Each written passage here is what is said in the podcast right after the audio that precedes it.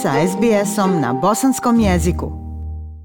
Povlačići crtu ispod ove 2021. godine, kojoj već polako gledamo u leđa, sumirajući našu borbu za opstanak i psihofizičko zdravlje sa izazovima pandemije COVID-19, tražeći svoj put u ozračju obje naše domovine i Bosni i Hercegovini i Australiji, nekako se nametnulo samo od sebe da odgovore na mnoga pitanja koja su se javljala ove godine potražimo od jednog sociologa sociologa i antropologa koji će, vjerujem, biti najobjektivniji i najbliže istini. Poštovani slušalci, danas je s nama Haris Halilović, profesor doktor socijalne antropologije pri Centru za globalna istraživanja na RMIT univerzitetu u Melbourneu. Profesor Halilović je također gostujući profesor na University of California u Americi i član istraživačkog tima Centra za interdisciplinarna primijenjena društvena istraživanja u Sarajevu. Profesor Halilović je autor mnogih naučnih članaka kao i knjige eseja Kako opisati Srebrenicu.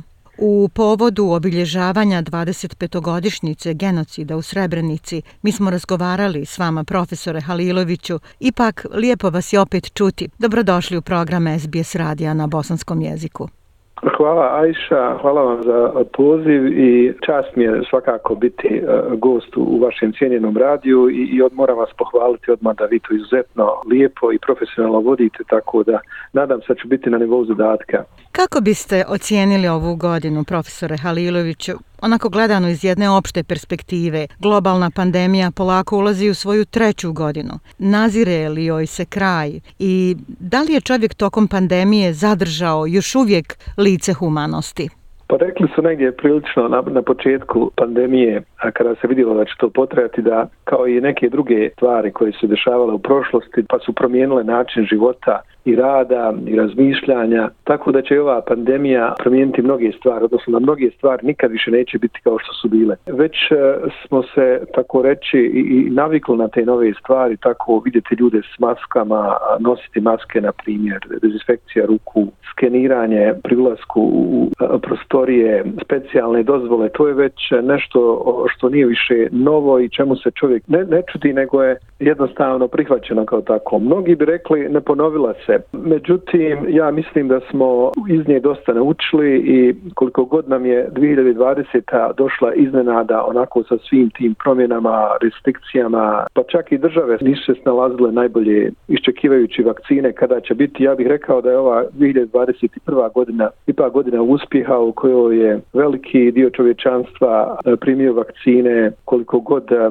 one još uvijek bile u doradi ili nisu 100% zaštita, ipak daju Leonardo Evo vidimo mi ovdje u Australiji koncem godine konačno oslobađamo se u smislu putovanja vani, a isto tako dolazaka iz ostatka svijeta. Bili smo nekako odsjećani ovdje, iako se nekima to činilo kao oaza, a meni, meni lično, a pretpostavljam i mnogim našim slušateljima, to je prilično bilo onako poput zatvora, jer mi nismo navikli ni očekivali da ćemo biti osjećani i od svijeta i naravno od Bosne i Hercegovine toliko dugo. A rekao bih da i pored svih izazova, pored svih poteškoća, mislim da imamo razloga za optimizam i da bi naredna godina, nadam se, bila još bolja. Trebamo biti na oprezu, jel i ne, da očekivati previše. Australija je našla načina da se bori i većina bosanaca i hercegovaca daje apsolutno povjerenje australskoj vladi u vezi zdravstvenih odgovora na pandemiju. Vjerujemo da će uspješno iz nje izaći. Ono što je u posljednjih nekoliko mjeseci probudilo stare rane svih bosanaca u prvoj domovini i u svijetu je uzrmana politička situacija u Bosni i Hercegovini. Iracionalna i ratnohuškačka retorika mnogih bosansko-hercegovačkih političara, mlake reakcije međunarodne zajednice. Mnogi govore o disoluciji Bosne i Hercegovine. Kako vi, profesore Haliloviću, komentarišete najnovija zbivanja u našoj prvoj domovini? Pa ja bih rekao da su ona kulminacija dugogodišnje podrivanja ustavnosti i, i državotvornosti Bosne i Hercegovine i ne bih nazvao, ne bih se složio s vama da su iracionalni planovi teritorika, naime radi se o vrlo racionalnim planovima koje Milorad Dodik artikulira u ovo vrijeme. Radi se o ideji koja je naravno nikada nije prevaziđena, niti do kraja pobjeđena, a svakako ne odbačena od srpskih nacionalista, Srbije prije svega, koje, koji decenijama vode najradikalniji struje e, nacionalizma u Srbiji, uključujući sadašnjeg eh, već višegodišnjeg predsjednika Vučića. Dakle, radi se jednom racionalnom planu kome u doba krize eh, u kojoj se našlo cijeli svijeta, a koje se naravno odražava puno više na, na eh, manje, slabije zemlje kao što je Bosna i Hercegovina, radi u doba krize takve namjere uzimanja tuđeg ili, ili traženja nemoguće u smislu traženja ukidanja ili odcijepljenja dijela države mogu se očekivati. Dakle, kriza od krajem 80. odnosno početkom 90. godina koja je bila politička kriza rezultirala je genocidom i četvorogodišnjim ratom, ekonomska kriza, pa kriza zdravstvena, sve probleme koje Evropska unija sama sa sobom ima, lokalna nacionalistička elita u, u Srbiji i, i dijelu Bosne, BH entitet Republika Srpska, ta, oni su iskoristili jednostavno kako bi uh, vidjeli da li je vrijeme za nastavak onoga što su uradili ratu započeli i, i bili spriječeni posjeći. Koliko god zabrinjavajuće bilo, ovo se radi o jednom e, krivičnom dijelu u svakoj državi, to bi e, bilo suđeno kao vele izdaja, kao podrivanje ustava države, neoprostiv grijeh dakle u svakoj državi. Također, retorika koju Dodik e, svakodnevno iznosi u javnost, rekao bi da je to, da je to dobra stvar, jer, jer bez bez uvijanja, vrlo jasno izražava i, i fašističke i, i rasističke stavove, to je govor mržnje, a ono što također u civiliziranom svijetu nije priznato. Tako da mislim da će ga sve to koštati po zakonu kako i zaslužuje. Šta smatrate da bi bilo najučinkovitije da poduzme bosansko-hercegovačka brojna dijaspora, recimo ovdje dijaspora u Australiji? Ba, Bosansko-Hercegovačka dijaspora je bila i ostala jako aktivna u smislu političke podrške lobiranja na najvišem nivou u, u državama u kojima postoji od, od Kanade, Skandinavije, Sjedinje američkih država pa i Australije. Svjedok sam ovdje i, i sudionik e, određenih inicijativa koje se vodile u smislu pisanja peticija i pisama na vladu Aust Australije, individualnih država u Australiji, ali su tako federalnog parlamenta svijeta tražeći osudu politika koje u Bosni i Hercegovini zagovaraju nasilje, direktno ili indirektno. U Americi ta podrška, odnosno te, te aktivnosti su jako vidljive. U Kanadi vrlo aktivna grupa u okviru Instituta za genocid Kanada također su radili mnogi stvari ne samo u Kanadi nego čak i u Bosni i Hercegovini. Baronesa Jasminka Helić, vrlo utjecajna osoba u Ujedinjenom kraljevstvu, koristi svoju ulogu u tom društvu i političku ulogu kako bi mobilizirala i obavijestila i upozorila političku javnost u Ujedinjenom kraljevstvu. To se dešava u Bosni i Hercegovini, tako da je to rezultiralo konkretnim koracima britanske vlade u smislu postavljanja specijalnog izaslanika za Zapadni Balkan s fokusom na Bosnu i Hercegovinu, jasne osude nacionalističke politike, rasizma u, u, koja dolazi prije svega od Milorada Dodika. Prateći društvene medije, prije svega Twitter, vidim također da u Švedskoj je baš jučer Aida Hadjalić, ministrica, odnosno nedavna ministrica obrazovanja Švedske porijeklom iz Foče, osudila je vrlo jasno, glasno izjave o muslimanima kao problemu za Evropsku uniju koje dolaze iz um, Mađarske i niz drugih kolega i dragih prijatelja su aktivni. Tako da mislim da dijaspora radi i dosta, a uvijek je promovirati svoju zemlju na najbolji način koristeći svoja prava koja imamo u svim zemljama, uključujući Australiju kao građani ove zemlje i kao građani svijeta. I ono što nije prihvatljivo u Australiji ne smije biti prihvatljivo ni u Bosni i Hercegovini, dakle svaka e, osuda rasizma, islamofobije, pozivanje na nasilje, vređanje cijelih naroda i svjetonazora je neprihvatljivo. Dakle, na to treba uvijek isticati, upozoravati i o tome govoriti kako našim političkim predstavnicima ovdje u Australiji, tako i, i široj javnosti. Dakle, ne trebamo šutiti kao dijaspora imamo tu i tu obavezu, a i mogućnost da, da utječemo čak na globalna zbivanja u svijetu, rekao bih. Profesore Haliloviću, vi ste srebreničanin koji se igrom slučaja zatekao 92. godine u Prijedoru u porodici buduće supruge i zajedno sa hiljadama Prijedorčana prošao kroz logore i Golgotu e, bošnjačkog i nesrpskog naroda u krajini. I hvala Bogu, ostali ste živi. U nedavnom intervju za Al Jazeera govorili ste o tome kako umjetnost ima ljekovito dejstvo u procesu detraumatizacije i mislili ste pritome na kvalitet književnih autora u Bosni i Hercegovini i dijaspori koji se bave u svom dijelu temom stradanja Srebreničana. U slikarstvu tom temom su se bavili najveći slikari Mersad Berber i Safet Zec, a evo u filmskoj umjetnosti Jasmila Žbanić i film Quo Vadis Aida dobila je najveće e, evropsko priznanje na nekoliko nivoa. Kako vi, profesore, komentarišete dobijanje nagrade za film, a s druge strane politika koja dopušta negiranje genocida?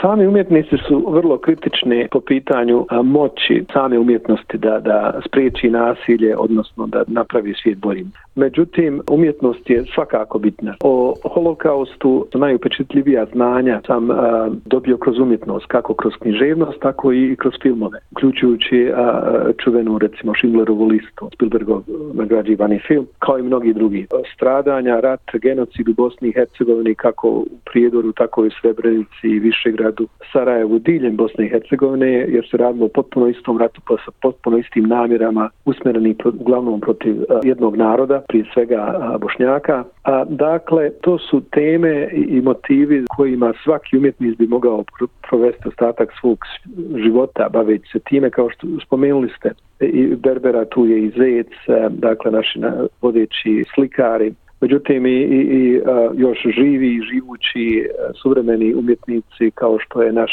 Adis Fejzić ovdje u Australiji, također se bavi tom temom i nastavlja se baviti, tek je načeo, kaže. U Americi e, Maja Ružnić e, baš ovih dana i mjeseci ima izložbu u Njujorku koja se bavi ratnim temama iz Bosne i Hercegovine. Inspiracija dolazi iz njene traume kao djeteta koje je preživjela u ovom slučaju Prčko njima je rat, eh, odnosno stradanja i genocid nepresušna tema koju obrađuju kroz umjetnost. I ta tema je jako bitna i ja uvijek protivriječim svojim eh, sugovornicima, prijateljima, umjetnicima koji su samo kritični i, i kažu da umjetnost e, nema tu moć. Dakle, ja mislim da ima tu moć, ima jako bitnu ulogu. Ovo sa Jasmilinim filmom, naravno veliki je uspjeh, još jedan uspjeh naše rediteljice Jasmile Žbanić.